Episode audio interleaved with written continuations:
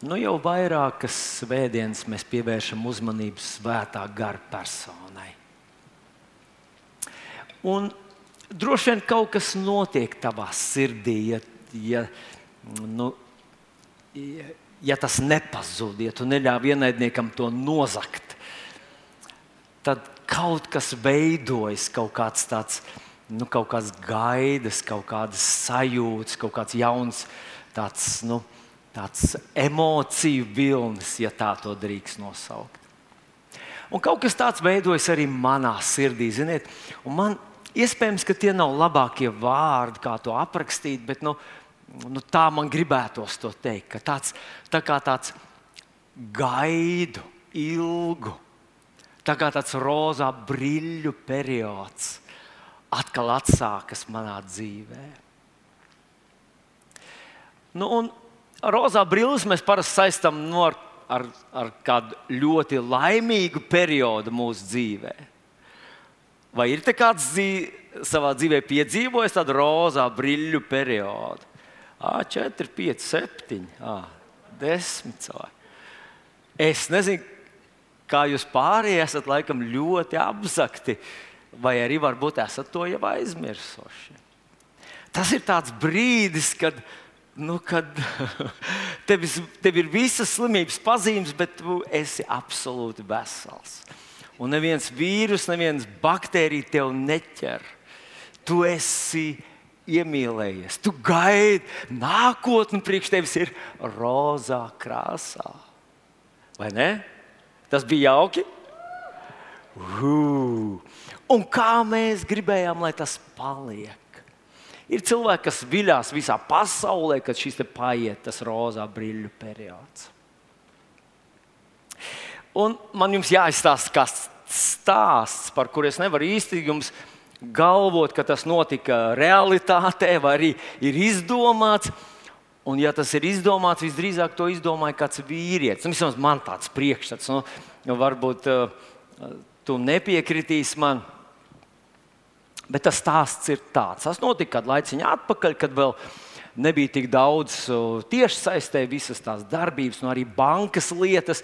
Nu, bija jāiet uz filiāli, tur jānes naudu turp vai jānes no turienes mājās. Vārds sakot, pēc, pēc tādas garas, nogurdinošas darba dienas, darbdienas beigas, jau, jau filiālē jau viss tā kā mazliet paguruši, bet vēl pie kases lodziņa, kur stāv, tātad, kur kasieri darbojas, vēl ir tāda rindiņa, stāv cilvēki Un katram tur ir kaut kāda sava operācija, ko viņš grib tur izdarīt. Nu, lūk, un beig, beigās rinda pienāk tādam, tādam, nu, tādam savādam vīrietim. Viņš pienāk pie tā lodziņa, un pēkšņi viņš uzrauj galvā masku, izrauj šaujamo ārā, pagriež to pret kasieru un pamet viņai maisu un saka, lai viņa sabāž tur naudu iekšā. Kasieri ir izbijusies, stobrs skatās viņas virzienā, un, un viņa tā drudžaini tur liek to naudu. Un, un, un kad nu, tas, kas nu, viņai tur ir par rokai, ir samests iekšā, uh, viņa to maisu pasniedz, laupītājs pagrāba maisu. Bet viņš neskrien ārā. Viņš pagriežās pret to, kas viņam stāv aiz muguras. Tā tad rindā un pagriež pret viņu pistoli un jautā, vai tu redzēji, kas te notika? Tas tur stāv vīrietis, tāds īsts, īsts var, varbūt kā kristietis. Tur stāv viņš teica, jā, es visu redzēju. Atskan šāviens, viņš nokrīt. Nākošā stāv tāda ģimenīte, vīrs un sieva. Laupītājs pagriež pistoli pret viņiem, saka, pret vīrieti un saka viņam, vai tu redzēji, kas te notika? Un tas vīrietis saka tā, nu, piedodiet, cienīties, neko neredzēju. Bet mana sieva gan redzēja visu. Un, zinot, es iedomājos, viņam blakus stāvēja sieva ar lielām acīm. Bet padomājiet, mīļie draugi, neizdariet tādu priekšlaicīgu secinājumu. Cik pozitīvs skats tam vīram bija par savu sievu pat tādā kritiskā brīdī. Pavisam droši viņam rozā brīļu periods nebija beidzies. Kā jūs domājat, kas to izdomāja? Vīrietis vai sieviete? Klusums. Klusums arī no manas sieviņas, krēsla. Viņa skaļi vienmēr smējās par izdevušamies jokiem. Šis nav tāds. Bet, mīļie draugi, mēs runājam par svēto garu. Un, jā, ļaujiet man iesākt Jāņem Ģelijā 14. nodaļā, kur Jēzus saka tādus vārdus 16. pantā. Un es lūgšu tēvu, viņš dos citu aizstāvi, lai tas būtu pie jums mūžīgi. Nu, mēs jau tagad zinām, ka citu nozīmē tādu pašu kā es, tikai cits. Tātad mēs varam raudzīties uz Jēzu un mācīties kaut ko par Svēto garu un par to, kā tas darbojas. Un mēs to esam darījuši, un šodien arī mazliet gribu ar jums to izdarīt un to turpināt darīt. Bet tas, ko es gribu, lai tu ieraugtu šeit vēl divas lietiņas bez šī citu, un tas ir, lai tas būtu pie jums mūžīgi. Svētais gars tātad būs pie jums mūžīgi. Un es nezinu, nu, kāda tev ir atkal sajūta par to, ka viņš vienmēr tev ir blakus. Nu, mēs zinām, Romiešiem 8,26, kad jūs nezināt, ko jums būs lūgt un kā tad svētais gars nāk palīdzīgā. Tas ir saprotams. Mēs arī, kad mēs lasām Dieva vārdu, mēs zinām, ka Viņš ir tas, kurš atver. Es domāju, ka Līgai vienīgais šauja, bet šauja arī man ka svētais gars mums ir blakus, tad, kad mēs lasām Dievu vārdu. Līgiņi iedod uz man to mikrofonu. Jā. Ka svētais gars mums ir blakus, tad, kad mēs lasām vārdu, un ka tāda ir tā viņa lielā uh, kalpošana. Nu, tā tad lūkšanā, vārdu lasīšanā, kādreiz kalpošanā, liecināšanā, ka svētais gars mums ir blakus. Nu, nu, tas ir saprotams, un to mēs gribam. Tas ir tas, ko mēs tiešām visi ceram, ka tas tā būs. Bet mums jau ir arī periodi dzīvē, kad mēs nelūdzam, nelasām, nevienam nekalpojam, vai ne? Vai varētu būt tā, ka svētais gars ir mums blakus arī tajos brīžos? Vai jūs tas mazliet padara tādu nekomfortablu visu to pārējos dzīves daļu? Mēģināsim par to mazliet šodien arī parunāt. Bet vēl kāda ļoti svarīga lieta, ko mēs lasām, ko mēs konstatējam šeit, vienu pantu izlaižot 18. pantā. Paskatieties! Tātad 16. jēzus saka, es lūgšu tēvu, viņš dos citu aizstāvi, lai tas būtu pie jums mūžīgi. Pēc tam pa vidu viņš saka, tas ir patiesības gars, ko pasaule nevar dabūt. Pasaule to nevar dabūt. To var dabūt tikai tie, kas pieder kungam Jēzum Kristum. Tas, ka tev ir svētais gars, nozīmē, ka tu pieder Jēzum Kristum.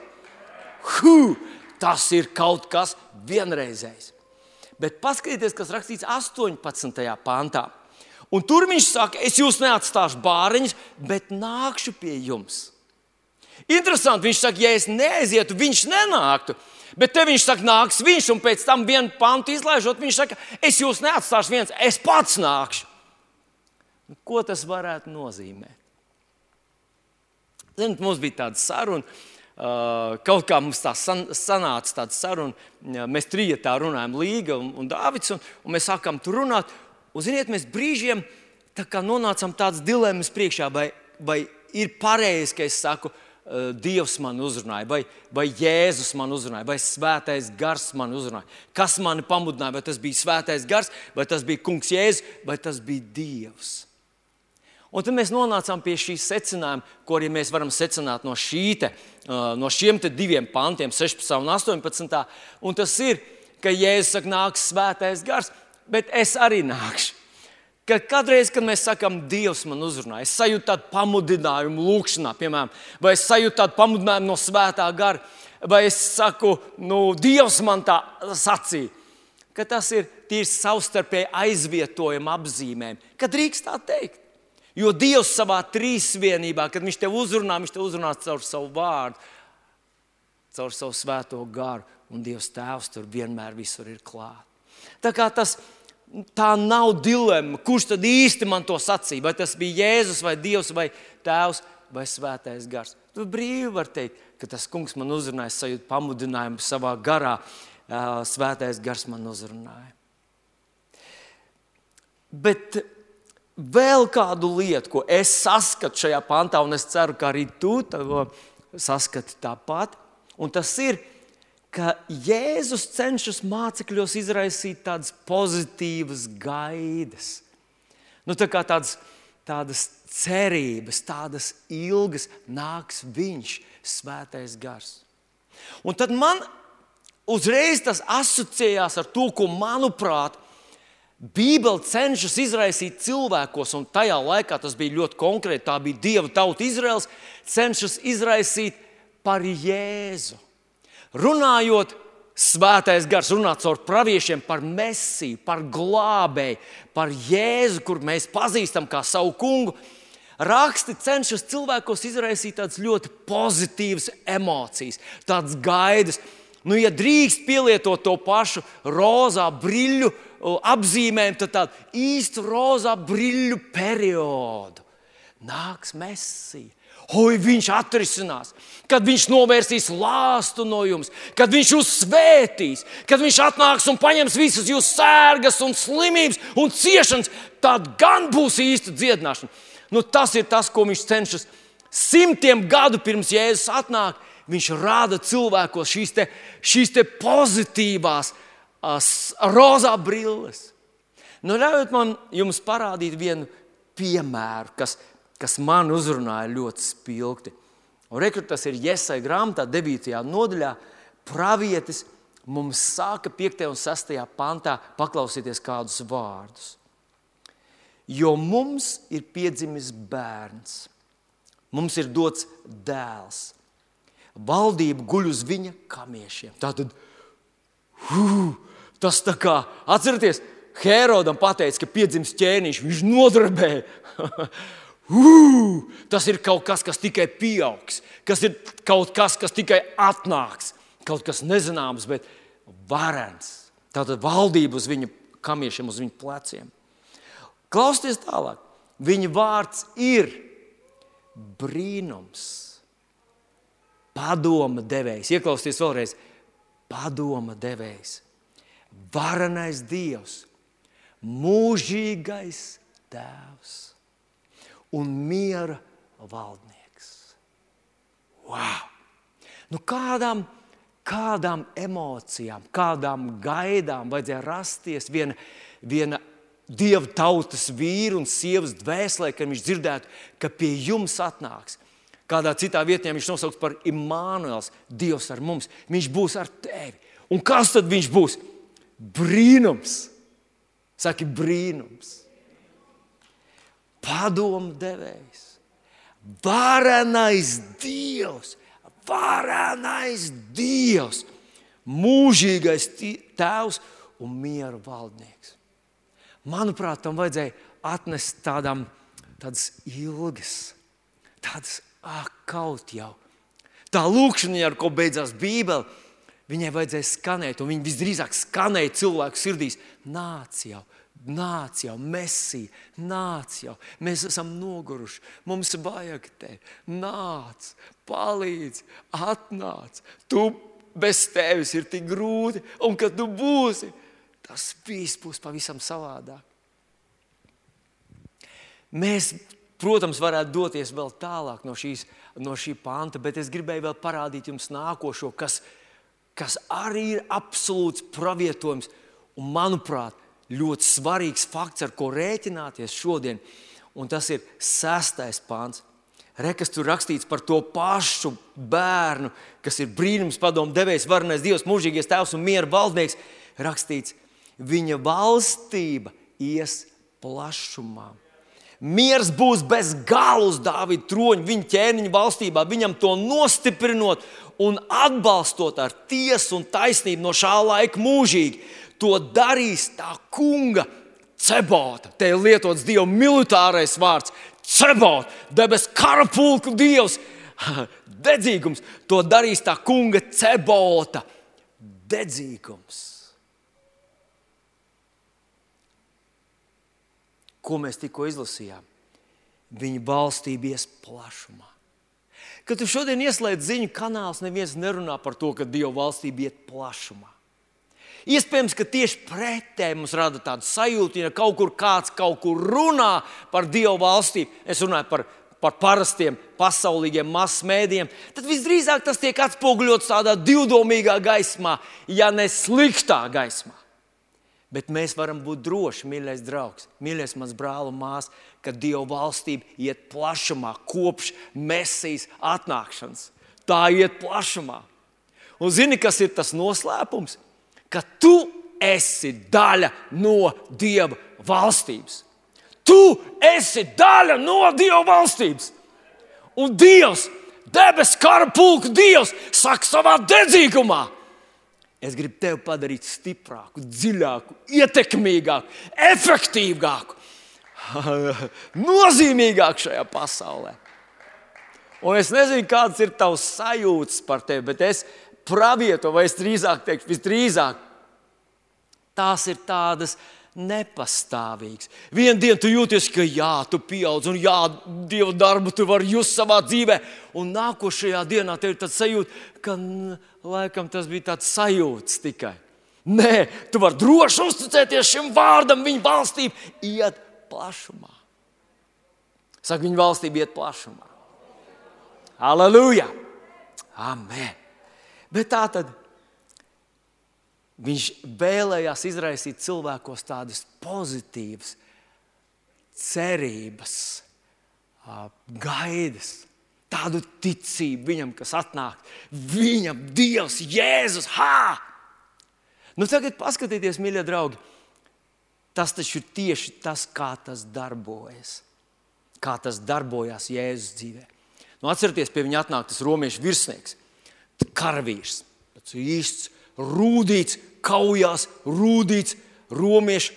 Nu, Angļu bībelīte saka, nu, komandieris pār simts. Tad, tas būtu tā tāds nu, mūsdienu armijā, manuprāt, tāds rots komandieris. Nu, es esmu dienējis armijā, un mūsu rotā bija drusku virs 80. Mums bija rots komandieris.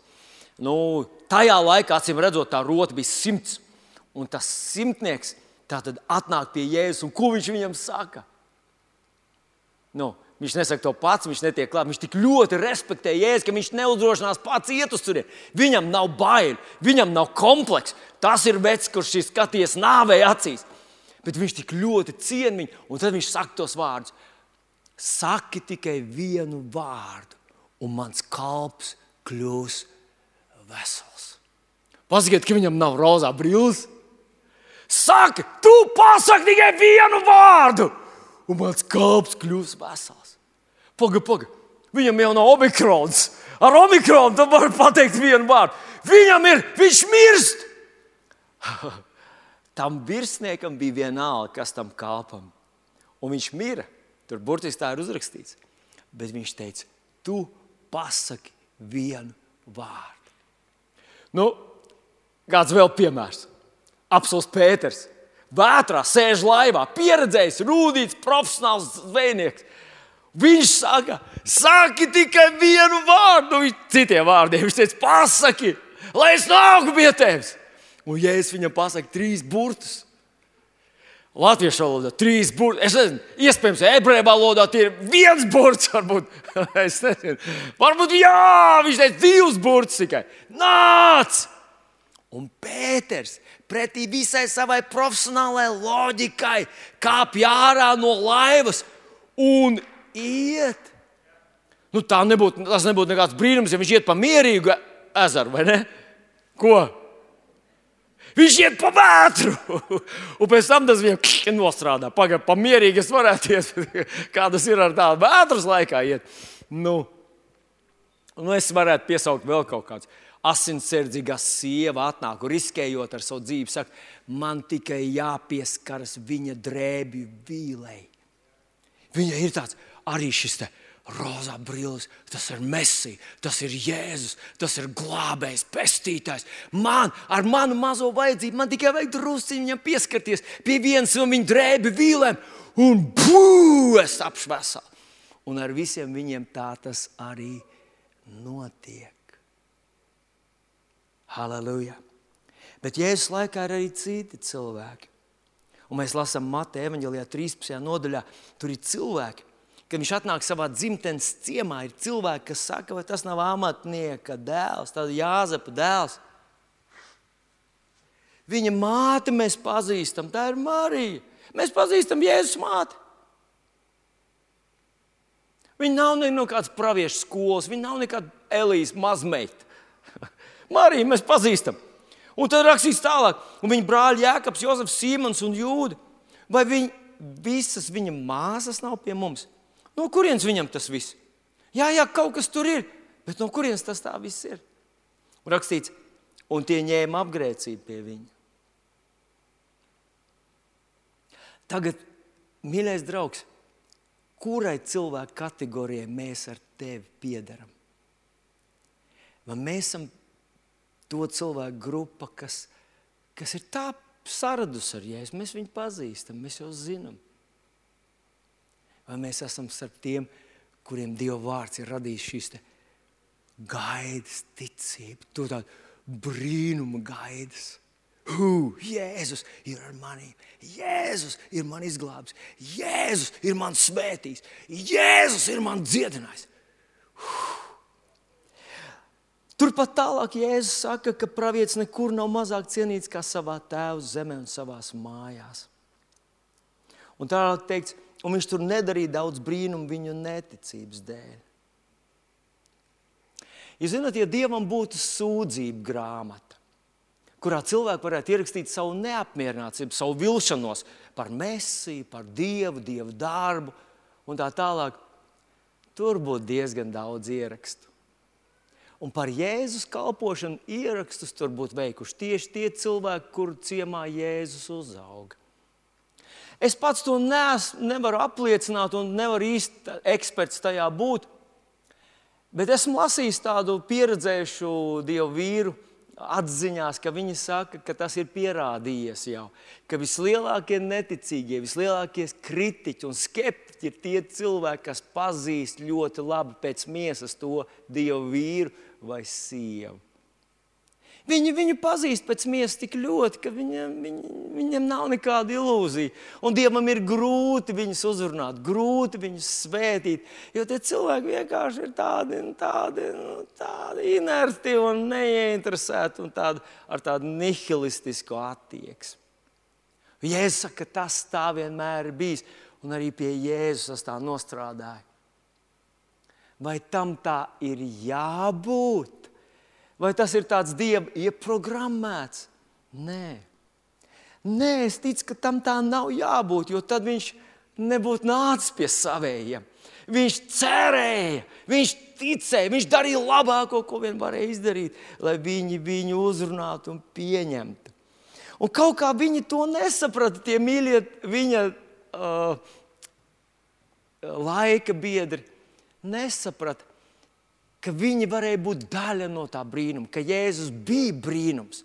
Bet, lai viņš varētu kļūt par brīnumu viņu dzīvē, viņiem bija jākļūst par daļu no tās. Nu, atcerieties, Jānis, viņš iet pie Jānis. Jānis arī viens no tiem, kuriem ir rozā brīvs. Viņa meita viņam atnāk un saka, tev meitiņa jau nomira, atlaid to mācītāju, tev tagad citas problēmas ir. Un, un Jēzus viņam uzrunā. Jēzus viņam saka, Jānis, es eju pie tevis, bet tu tici tikai Nevis šaubies, turp mētājas, turp neticībā, ticībā, neticībā, ticībā, šaubās, neticībā, apsvērumos, visādos citos argumentos, pretargumentos. Tici tikai. Kāpēc viņš to darīja? Kāpēc viņš tā sacīja Jairam? Jo Jairs bija daļa no tā brīnuma, kas tur notika tajā namā. Un, ja Jēzus būtu vienkārši gājis, slājis līdzi un pie sevis pukojis, raudājis un sūkstījies un, un dusmojies uz to asinsardzīgo sievu, kas aizkavēja iespējams Jēzu, tas brīnums nebūtu noticis. Jēzus. Bībele izraisa milzīgi tādas cerības un gaidas. Kolosiešiem 1,19 rakstīts, jo visai dieva pilnībai patika iemājot viņā. Jēzus, par kuru ir tik liela cerība. Tagad šis pats Jēzus saka saviem mācekļiem, paklausieties vārdus. 7. pāns, 16. nodaļā Jāņa Evangelijas. Tomēr es jums saku patiesību. Tas jums par labu, ka es aizēju, jo ja es neaizietu, aizstāvis nenāktu pie jums, bet aizgājis, es to sūtīšu pie jums. Tas jums par labu. Tā ir patiesība, viņš saka. Tas jums par labu, ka es aizēju. Vai tam nevajadzētu izraisīt mācekļos, kuri bija ļoti pozitīvi noskaņot par Jēzu, vēl lielāku tādas gaidas? Jo Jēzus saka, es biju pie jums, bet tagad būs vēl labāk. Kā cits tāds pats kā es atnāks un būs jūsos.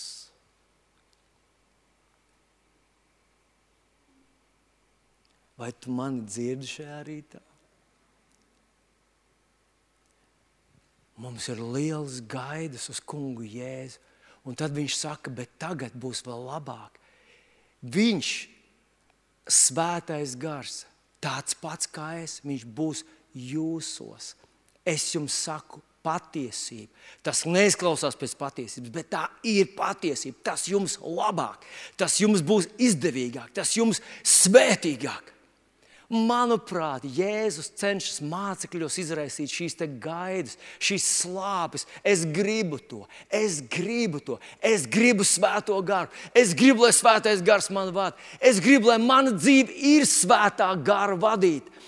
Jo redzat, Mīļie draugi, tas ir tāds vienots biblisks princips, ka, ja cilvēks nav ļoti ieinteresēts, Dievs neielaužas viņa dzīvē. Dievs nekādā ar varu, un jo īpaši svētais gars neielaužas cilvēku dzīvē un nesaka, tā, es esmu atnācis, tagad turpmāk tu klausies mani. Nē, tas ir jāgrib, tas ir jāvēlas. Tas ir kaut kas, ko tu meklē, slāpst, pēc kā tu augst. Atcerieties, ja es teicu, ja kam slāpst un kam, kas, kas, kam gribas, tas lai nāk. Vai mums ar tevi slāpst? Mēs jau to jautājumu dzirdējām. Cik ļoti tu gribi, lai svētais gars tev vada? Tātad tas tev par labu, tas tev par labu, ka es aizēju. Jo, ja es neaizietu, aizstāvis neatnāk, bet aizgājis, es to sūtīšu. Stop! Kas tur rakstīts? Tas jums par labu. À, mums par labu tas nozīmē nu, kalpošanu. Nu, kalpot mums vajadzēs kalpot, un tāpēc svētais gars mums ir dots, lai mēs kalpotu, vai nu, lai mēs glābtu cilvēkus, lai mēs ejam pa visu pasauli un pasludinātu evaņģēlīju visai radībai. Jā, Jā, mīļie draugi, tā ir absolūta patiesība, ka svētais gars mums ir dots kalpošanai. Un visur Bībelē, kur tu redzi jau sākot ar veco derību, kur svētais gars nonāk par kādiem cilvēkiem, Dievs viņiem ir devis uzdevumu izdarīt, ko viņi paši izdarīt nevar. Un tad nāk Dievs svētais gars, un viņi var izdarīt to, ko nevarēja izdarīt pirms tam. Mīļie draugs, es gribu teikt, ka tas aicinājums savā dzīvēm ko Dievs grib, lai tu izdari. Saproti, tu esi piedzimis šajā dzīvē, šajā pasaulē, tāpēc divu iemeslu dēļ Dievs tevi mīl, un otrs, Viņš grib kaut ko caur tevi noteikti šajā pasaulē izdarīt. Un tas, ko Viņš grib izdarīt caur tevi, ir vairāk nekā tavs raksturs, tavas spējas, tavi talanti, tavas, tavas, uh, tavas prasmes var izdarīt.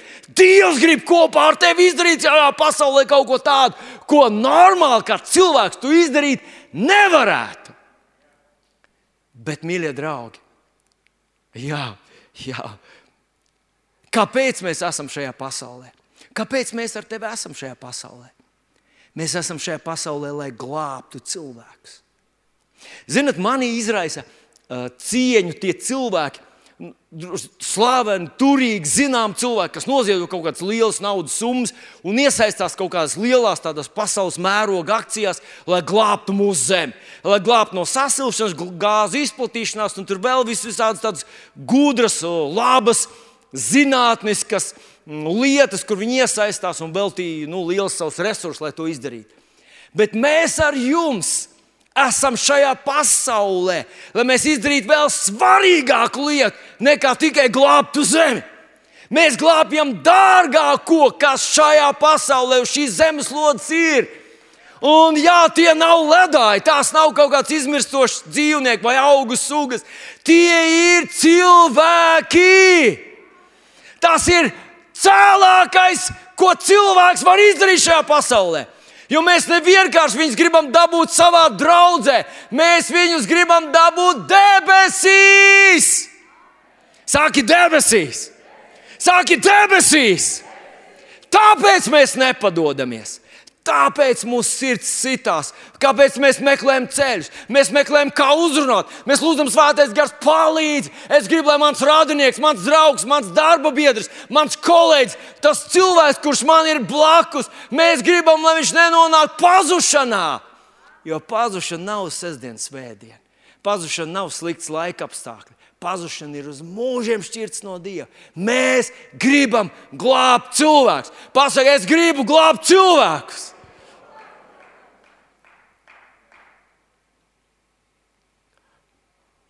Bet, mīļais draugs, šeit Jēzus runā par vēl kaut ko. Un tas man aizkavēja manu apstādinājumu. Tas tev par labu, Vilni, tas tev par labu, ka svētais gars atnāks. Tā tad ne tikai kalpošanai, redz, tas, ir, tas ir brīžiem tas, ko mēs sajaucam. Mēs domājam, ka Dievs no mums tikai vēlas kaut kādus rezultātus. Ātrāk, ātrāk izdara, Dievs dusmojas. Dievs pirmām kārtām tevi un mani mīl. Vai tu vari pateikt, viņš mani mīl? Tas tā kā tēvs un māte vispirms savu bērnu grib ne tāpēc, lai viņš spēlē futbolu, basketbolu, lai viņš vecumdienās pienes glāzi ūdens. Tāpēc, kā mīl! Vai tā nav? Jūs ģimenē tā nav? Mums mums tas ir bez jautājuma. Mēs katru no viņiem mazajiem susuriņiem, mums viņi bija tik mīļi, ka mēs bijām gatavi dot par viņiem savu dzīvību. Bērni, mēs mīlam viņus. Un viņš to saka Titus 3. nodaļā, 5. pantā. Viņš mūs izglāba nevis taisnības darbu dēļ, ko mēs būtu darījuši bet pēc savas žēlsirdības, ar savu mazgāšanu, atzimšanai, atjaunošanos svētajā garā.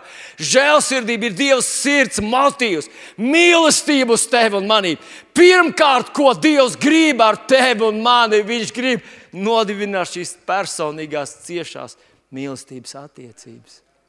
Un tāpēc, kad Viņš saka, tas tev par labu, vilni, ka svētais gars atnāks pie tevis un būs pie tevis mūžīgi. Wow! Es sāku domāt, kungs, mani, mani, man par labu. Un es atceros visus tos vārdus, kādi svētajam garam tiek nu, piešķirts, funkcijas un vārdi. Un viņš ir nosaukts par mierinātāju, aizstāvu, vadītāju, atbalstītāju, spēka avotu un skolotāju. Iespējams, ka mēs tam varam vēl kaut ko pievienot klāt. Bet uz mirkli es gribētu, lai tu mazliet ar mani par to padomā mierinātājs, aizstāvis, vadītājs, atbalstītājs. Vai tu esi kādreiz savā dzīvē iekļuvis tādā, nu, tādā kaut kādā stresa situācijā? Un, nu, man visvieglāk to būtu asociēt ar kaut kādu ne, ceļu satiksmes negadījumu. Tu esi braucis kaut kur, kā vienmēr steidzies, pums kaut kas notiek, un tagad tu esi uz, uz ielas sabojāts ir tavs auto, sabojāts ir vēl kādam auto. Tas cilvēks ir dusmīgs, sašuts, jā, viņš kaut ko tur, kaut ko, viņš tur baigi aktīvi tev kaut ko stāsta. Un tu tagad tajā situācijā tu uh, īsti nevari skaidri padomāt. Cik es esmu novērojis visās tādās situācijās, cilvēki pirmais, ko viņi dara, tūlīt rauj ārā telefonu un kādam zvana. Nu, vecos laikos, agrāk, kad tikko sākās tas viss, parasti mēs domājam, ka zvana kādam pazīstamam policistam. Nu, lai atbrauc un, un tā tālāk. Bet uh, vēlāk mēs konstatējam, nu, vismaz es, es konstatēju, ka vienkārši mums vajadzīgs blakus kāds, kurš ir mierīgs, ar vēsu galvu un vēlams gudru galvu. Jo redz, kādreiz tev tas pretinieks kaut ko sāk, tev, pu, tu, tu esi vainīgs, tu, esi, tu, tu tagad man, tu, tu, tu, tu davai tur samaksā un tur. Un tu tagad tajā visā tu uh, nevari īsti saprast. Un tu, tu jūties vainīgs. Protams, protams tu viss esi nokavējis, tad viss, kur tev tur gaida, kur tev bija jāskrien, tas viss ir, tiek atcelts. Bet tev vajag kādu blakus, kas, kas tā kā mierīgs, kurš saka, nē, tā nav, tā nav kā viņš saka, ir savādāk, kurš ir tavā pusē un reizē ir mierīgs un gudrs. Sievas parasti zvana savam vīram, vīrs atbrauc, un tad viņš tā nomierinās, iekāp mašīnā un klausās rādio, kamēr vīrs tur nu, visu regulē. Tur. Jo jo redzi, nu, es neteikšu, es zinu vienu cilvēku, nu, viņš vairs nav šajā pasaulē, kurš nokļuva tādā nelielā satiksmes negadījumā. Un kaut kā tas viss tas tik ļoti viņu ietekmēja, ka viņš skrēja tur augšā, apakšā, mēģināja saprast, kāda tā situācija ir. Un garām gāja baļķvedējs un trāpīja viņam virsū tieši. Un tas mazais, mazais tas, nu, sastrēgums vai nelaimes gadījums jā, izraisīja nāvi un milzīgu zaudējumu visai ģimenei. Un tas ir tas, par ko Bībele runā. Viņš ir tas, kurš ir blakus tev, mierinātājs, atbalstītājs. Viņš tev ir aizstāv, viņš tavs aizstāvs. Tāpēc es priecājos, ka ne tikai lūkšanā, ne tikai vārdu lasīšanā, bet manā dzīvē, manā ikdienā, es esmu bijis tādā situācijā, ka tu esi nonācis tādā vietā. Un, Un, um, tie bija kādi pāris gadi atpakaļ. Mēs bijām aizbraukuši uz Ameriku un noīrējām mašīnu. Un Amerikā es braucu pāri galvenajai ielai. Un, un es nezinu, kā tas notika. Nu, tas nebija gudri, tas, ko es darīju. Bet mums uzskrēja virsū un mēs no, nokļuvām tādā ceļu satiksmes negadījumā ar īrētu mašīnu. Nu, visas, viss tas, ko tu esi dzirdējis par to visu to situāciju un tā tālāk. Man blakus bija Valters, kurš ļoti nosvērts un ļoti mierīgi uzvedās tajā brīdī. Bet es, man vajadzēja vēl kaut ko, man vajadzēja vēl kādu. Un man jāsaka, burtiski es jūtu blakus tādu stipru atbalsta sienu.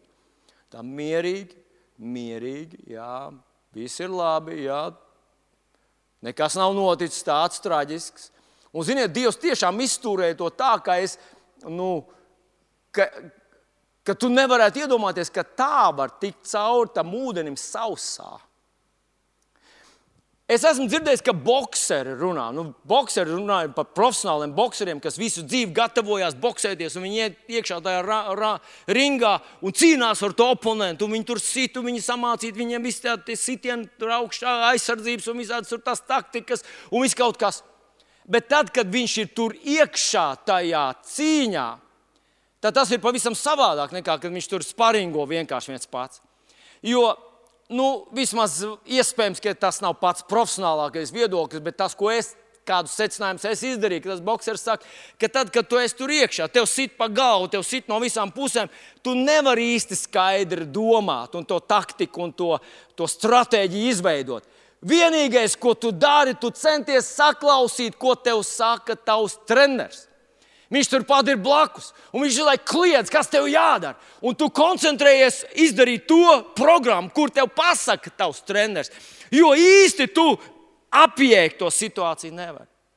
Un bez šaubām mēs kā cilvēki, kā mīsīgas, fiziskas būtnes, mēs ilgojamies pēc tā, lai mums blakus būtu cilvēks. Lai viņš saprot, lai viņš ar savu mieru, ar savu nosvērtību, ar savu tādu nu, ticību mums ļoti palīdz. Tā ir liela lieta. Nevelti, ja es visur izsūtīju mācekļus pa divi. Viņš teica, nu, ne, ne, tev nav jāpaliek vienam mīļais draugs. Tā ir viena no vēlnu taktikām, sašķelt, sadalīt, aizvest katru par sevi. Protams, saka, tu esi tik pareizs, tik apgaros, tik apskaidros, tik īsts un godīgs, ka neviens otrs tāds vairs nav.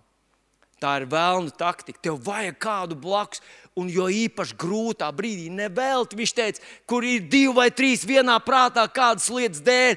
Mans debesu tēvs to tiem dos. Tavu brāļu māsas miers un ticība tev blakus ir nenovērtējams dārgums. Tajā pašā laikā, mīļie draugi, mums Cīņa nav pret miesu un asinīm. Un ir situācijas, kad ar to cilvēcīgo palīdzību, un atbalstu un lūgšanu ir par maz. Ir kaut kas tavā garā, kur tu tiec sists, vajāts, kur vētras plosa tevi uz visām pusēm.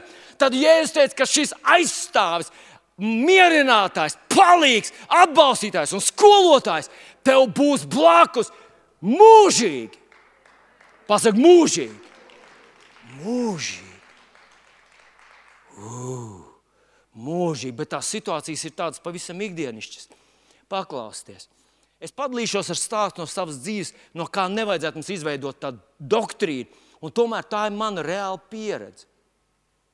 Es esmu no cilvēkiem, kurš, ja viņš kaut kur ir nu, apsolījies būt, tad viņam nu, iekšā man ir tāds, un, un, un kādreiz tas kaitina manas tuvinieks, man gribas būt ātrāk tur. Ja mums ir trijos lidmašīna, es gribu būt lid, lidostā jau. Uh, nu, divas stundas ir normāli, ka pirms. Ja? Divas stundas pirms izlidošanas ir jābūt. Es gribu būt trīs stundas. Uh, Ej, nu, sazini, ja nu kaut kas, ja nu tur kaut kas, ja tur, ja nu tur var sakot, es vienmēr esmu šāds te. Un arī tad, kad man kaut kur jābrauc ar mašīnu.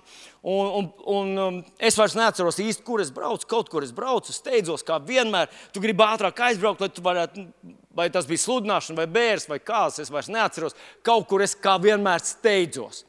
Un, zinot, nu, šobrīd es cenšos ievērot visus ceļu satiksmes noteikumus, arī ātruma režīmus, cik vien, cik vien man mīsīgā un nepilnīgā daba to var izdarīt. Es cenšos to darīt. Bet bija tās laiks, kad es ļoti neiespringu par to. Jo likās, nu, Amarts, ko es nezinu, nosodiet mani, ja gribat. Ja man tur jābūt laikā, es tā īpaši spidometrā neskatījos, skatījos vienkārši uz ceļa, pēc laika apstākļiem un, un ko varēja motors nu, izdarīt. Ja. Vārds, ko es braucu tādā reizē uz kalpošanu, svēts darbs. Ja. Nu, lūk, un es pārkāpu tos ātruma režīmus un braucu tur, un nu, ne, tur ne, ne, ne, nebija nekāda biezā satiksme. Un es braucu, braucu, braucu, un pēkšņi manā sirdī kaut kas ding, ding, ding, ding, ding tā nevar nu, nu, ka, nu, nu, nobraukt malā.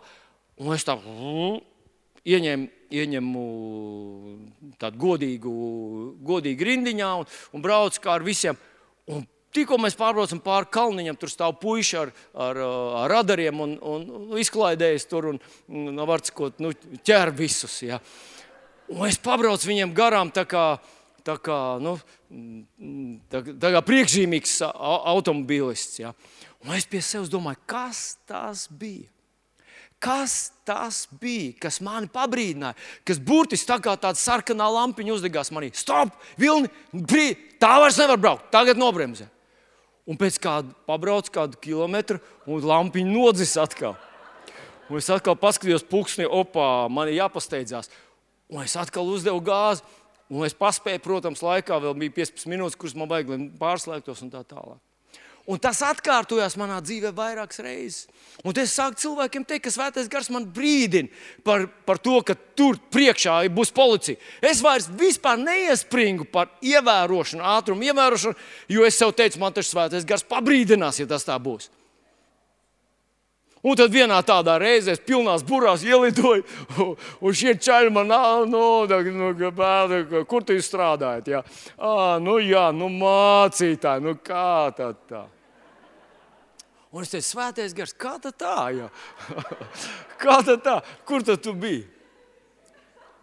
Es pavisam droši gribu teikt, ka svētais gars nemudina tevi pārkāpt, neatbalsta likuma pārkāpšanu. Bet tāds fenomens manā dzīvē bija. Un es domāju pie sevis,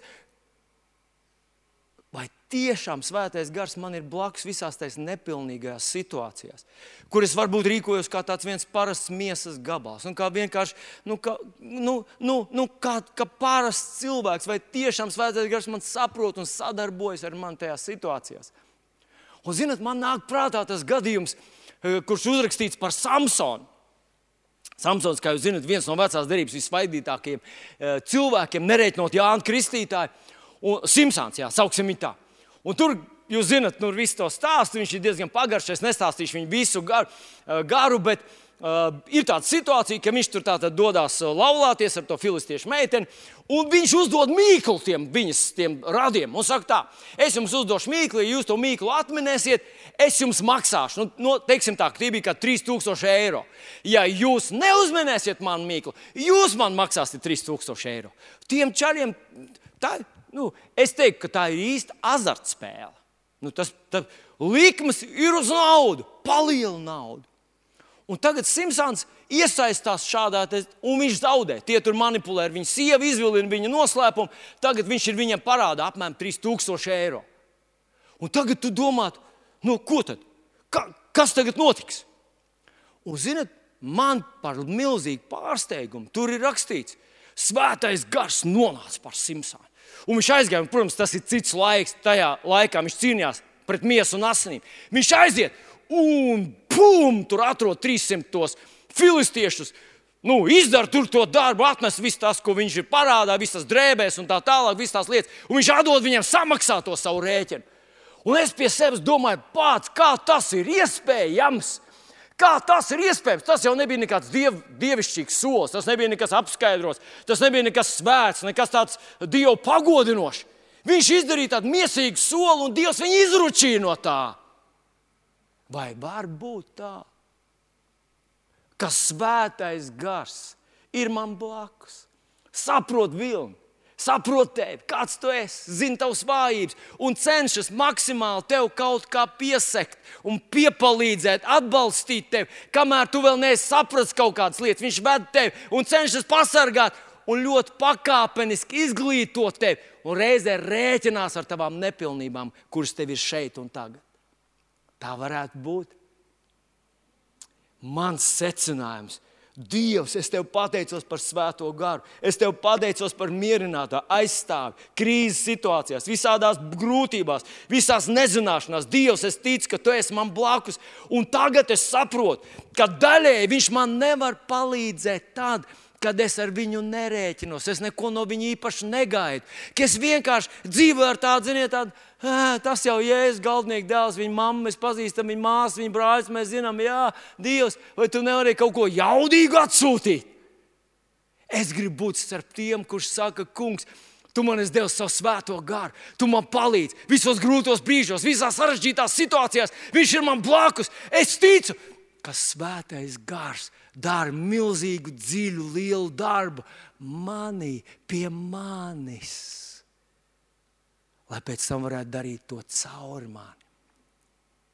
Romiešiem 12. nodaļā, 2. pantā Pāvils saka, tad nu netopiet šai pasaulē līdzīgi, bet pārvērtieties savā prātā, lai, spētu, lai jūs spētu saprast to, kas ir Dieva griba, to, kas ir labs, tīkams un pilnīgs. Un man pārliecība ir tā, ka pirms svētais gars dara kaut ko caur tevi, viņš vispirms kaut ko dara pie tevis. Tevī. Viņš, tu esi viņa darba, viņa aicinājuma, primārā fronte, esi tieši tu tieši tu. Ļaujiet man parādīt raksturvietu, kas mani arī ļoti stipri uzrunāja. Ļoti ticu, ka tā uzrunās arī tevi. Iesai grāmata 11. nodaļa, 1. un 2. pāns. Te vēl aizvien ir runa par Mēsiju, par Jēzu, bet tagad mēs zinām, ka tas attiecās arī uz mums ar tevi. Rekas te rakstīts un pār to klāsies un to sargās tā kunga gars. Gudrības un saprāta gars, padoma un spēka gars, atziņas un tā kunga bijības gars.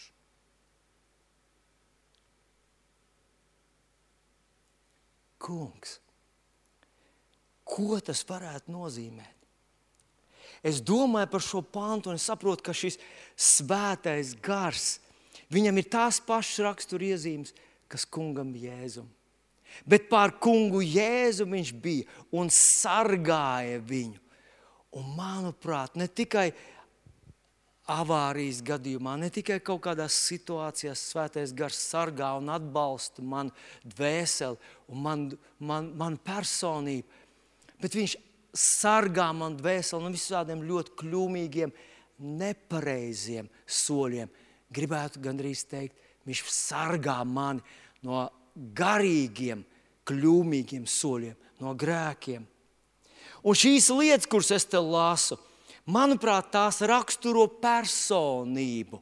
Paklausies, par kādu cilvēku mēs varētu teikt, ka viņš ir gudrs, saprātīgs, zinošs, stiprs un dievbijīgs. Svētais gars dusēja par Jēzu un sargāja viņu. Un es ar to gribu teikt, ka svētais gars ar tādu pašu misiju atnācis pie tevis, lai tevi sargātu, lai, tevi, lai dusētu pār tevi, lai veidotu tevī šo te cilvēku. Kādu cilvēku? Tādu, kas ir gudrs, kas ir saprātīgs, kas ir stiprs, kas ir zinošs un dievbijīgs svētais gars, vai tu to veido manī? Tas nozīmē, ja es ar tevi sadarbojos, ja es tevi uzklausu, ja es respektēju tevi, tad tu palīdzēsi man pārvērsties, kā romiešiem divi saka, Pāvils 12. Pārmaini mani, tu izmaini mani. Uh, kā Jēzus teica, ka no sirds pilnības mute runā. Tātad pirmkārt viņš grib nevis izmainīt to, ko es saku, bet viņš grib izmainīt manu sirdi, tavu sirdi. Svētais gars, kad atnāca pie tevis, primārais, ko viņš grib izdarīt, Jā, mēs, mēs uzreiz skatāmies, varbūt palīdz man saprast, kura mašīna man jāpērk. Palīdz man jāsaka, kura meitene man jāprecē. Palīdz man saprast, kurš puisis man precēs. Palīdz man saprast, kurā darbā man iet. Palīdz man saprast nu, tās, tās fiziskās lietas. Un svētais gars vienmēr ziniet par tām lietām, saka, jā, jā, bet ar tām nesteidzies. Nu, vismaz manā dzīvē, vienmēr, kad es tā uztraukts, atnāk pie viņa Un es asociēju to tā kā kādreiz ar, ar mazbērniem. Arī viņi par kaut ko atpūsties. Pirmā lieta, ko es viņiem saku, nesteidzies, nepār, nomierinies. Un svētais gars tieši tāpat saka, tās lietas atnāks. Svarīgāk ir, kas notiek tavā sirdī. Atcerieties, gudrais Salmans mums uzrakstīja teicienu, pāri visam, kas jāsargā, sargi savu sirdi. Un ja mēs šodien gribētu teikt, kas tad ir tas, kas man ir jāattīst, vai tā ir mana uh, sirdsdarbība un elpošana, vai tie ir mani muskultūra, vai tie ir mani prasmes vai valodas zināšanas. Viņš teica, primārais, ko es gribu tevī attīstīt, ir tavs sirds. Tā ir tā neredzamā pasaule tevī. Un tas ir tas, ko Svētais Gars ar tevi grib darīt. Un kādu kļūdu mēs darām, kad mēs gribam, lai viņš mums pabrīdina par policiju, bet neļaujamies, neuzklausām viņu, kad viņš mums saka, lai mēs nedusmojamies lai mēs pazemojamies, lai mēs piedodam, lai mēs dzīvojam ticībā, lai mēs uz sava rēķina darām labu tiem, kas mums ir tuvu, lai mēs ne, nekļūstam egoisti, lai mēs ceļam citus. Wow! Svētais gars! Ha. Bet es vēl nonācu pie kāda secinājuma.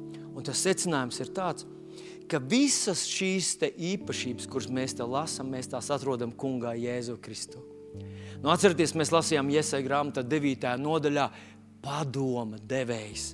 Un te ir rakstīts e, padomu un spēka gars. Pirmā vēstulītē korintiešiem apstulis Pāvils raksta šādus vārdus.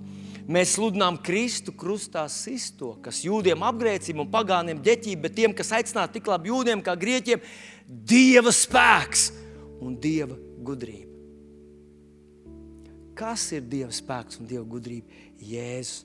Un tieši tāpat, tieši tāpat Svētais gars mūs ved pie Jēzus. Ko faktiski Svētais gars ar mums dara?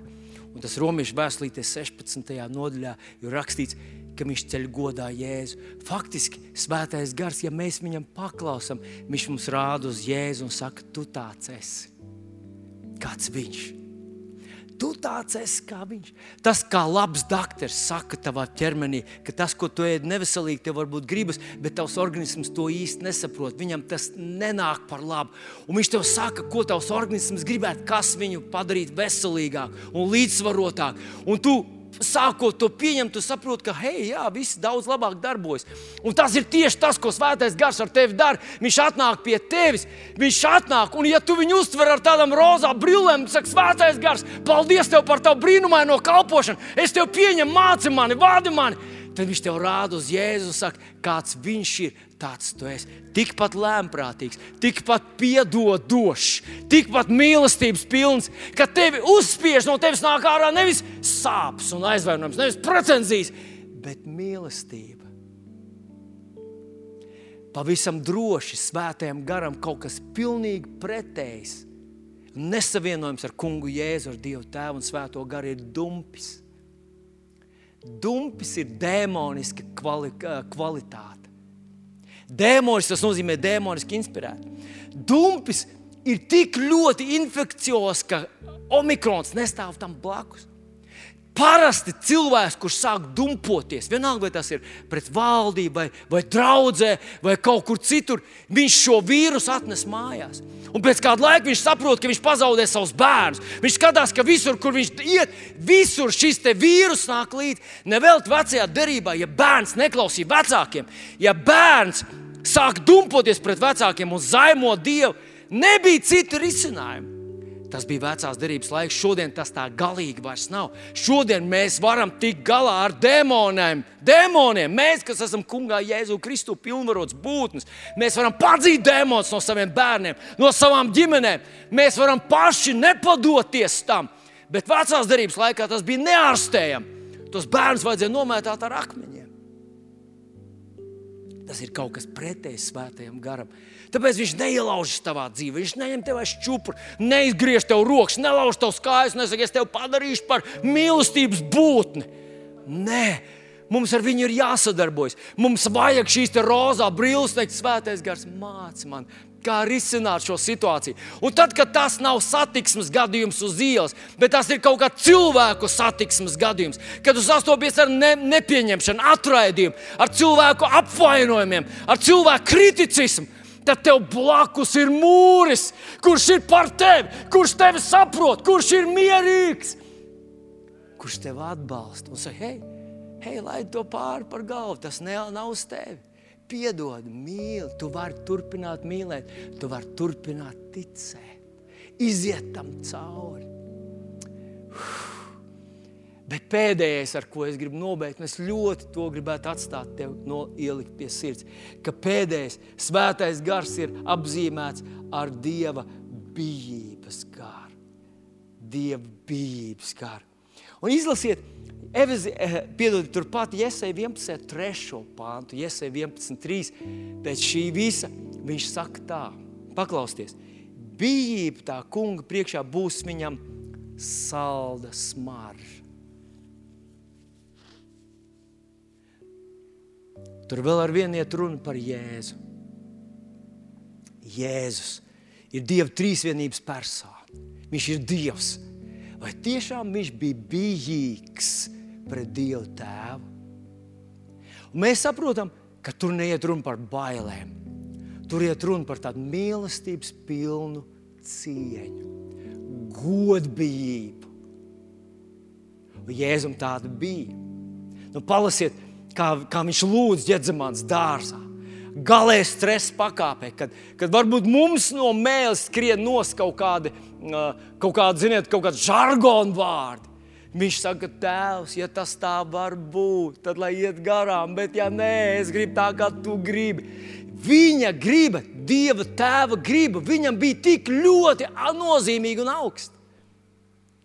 Un tad viņš saka, ka šis pats svētais gars, mīļais draugs, tas, kas tev atlaiž visas bremzes tavai miesai, nav svētais gars.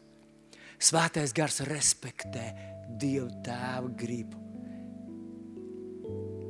Bet paklausieties, bijība Dieva priekšā viņam būs salda smarža.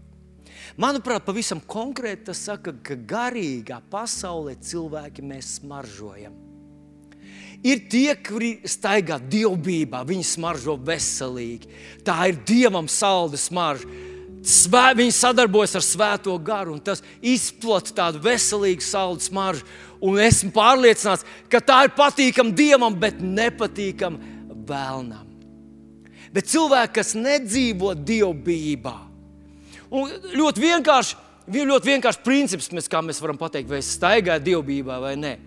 Staigāt dievbijā nozīmē pakārtot savas intereses, un savas iegribas un savas uh, apetītes dieva gribai un dieva prātam. Vienkārši tu uz savu rēķinu vēlies darīt dieva gribu. Un viss, pat ja tas tev dārgi maksā, pat ja tas tevi ierobežo, pat ja tas tev tajā klātbūtamā mirklī neliekas ērti, tu gribi izdarīt dieva gribu. Un tas smaržo patīkami. Bet tad, kad mēs novēršamies no šī ceļa un sākam pakārtot dieva gribu savām interesēm, ja tas mums saskan, tad aleluja, Dievs, rekur es darīšu tā, kā tu gribi. Bet, ja tas ir kaut kas savādāk, tad mēs sakām, es tev pēc tam palūkšu atdošanu tad mēs sākam smaržot ne tā. Manuprāt, mīļie draugi, tas ir signāls garīgā pasaulē, ka tas pievelk, ka tas uzreiz rada tādu ieinteresētu vidi demoniskiem spēkiem. Un visas tādas problēmas, visas neveiksmes, viss, kas pasaulē var notikt, pēkšņi ar tiem cilvēkiem arī notiek. Un viņi vēl vairāk viļās dievā, vēl vairāk viņi tur šauj. Un, un tā viens šķiet, ka viņi iekļūst tādā burvju ritenī ka viņi vairs nemaz nevar darīt dieva gribu, jo tas taču nozīmē upurēt tik daudz. Un tāpēc tā brīnišķīgā svētā gara misija manā dzīvē palīdz man būt dievbijīgam. Palīdz man respektēt tos, kas man ir jārespektē. Palīdz man būt pateicīgam par to, par ko man jāpateicās. Palīdz man nepamanīt to, kas man nav jāpamana. Es nobeigšu ar vienu tādu ilustrāciju. Kādam cilvēkam palūdz ieiet vienā istabā un atzīmēt visas tās lietas, kas tur ir melnā krāsā. Un viņš iegāja. Viņš iegāja iekšā, viņš iznāk ārā un viņam saka, nu, tagad uh, tu ievēroji visas tās lietas, kas melnā krāsā. O, oh, jā, es ievēroju visas lietas. Bet pasaki man, lūdzu, kas tur bija baltā krāsā? Baltā krāsā. Nekas tur nebija baltā krāsā. Ziniet, tas ir tieši tas, kā tas darbojas. Dažreiz ar laulību. Ir cilvēki, kas iegājuši laulības istabā, iznāk pēc tam no tās ārā. Un viņi saka, o, laulība, vai Dievs pasargā. Tur, ir, tur ir tikai viss melnā krāsā. Ui, vai dieniņa, vai dieniņa. Un, ja viņi kaut kur drīkst kādam tā neformāli, ne, ne, ne no kancels, bet tā neformāli kādam pateikt savus domas, tad viņi saka, nekad, nekad, nekad, nekad. Un viņi nesaka, nepadodies, bet viņi saka, neprecies. Jo tā istaba ir melna.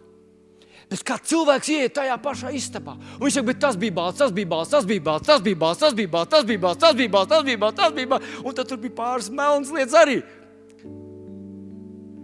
Ziniet, ko, mīļie draugi? Jūs varat sastapties ar cilvēkiem, kas runās par melnām lietām, runājot par sadarbību, par paļaušanos uz kungu Jēzu. Tie ir tie, kas saka, ah, viņš jau ir namdardēls.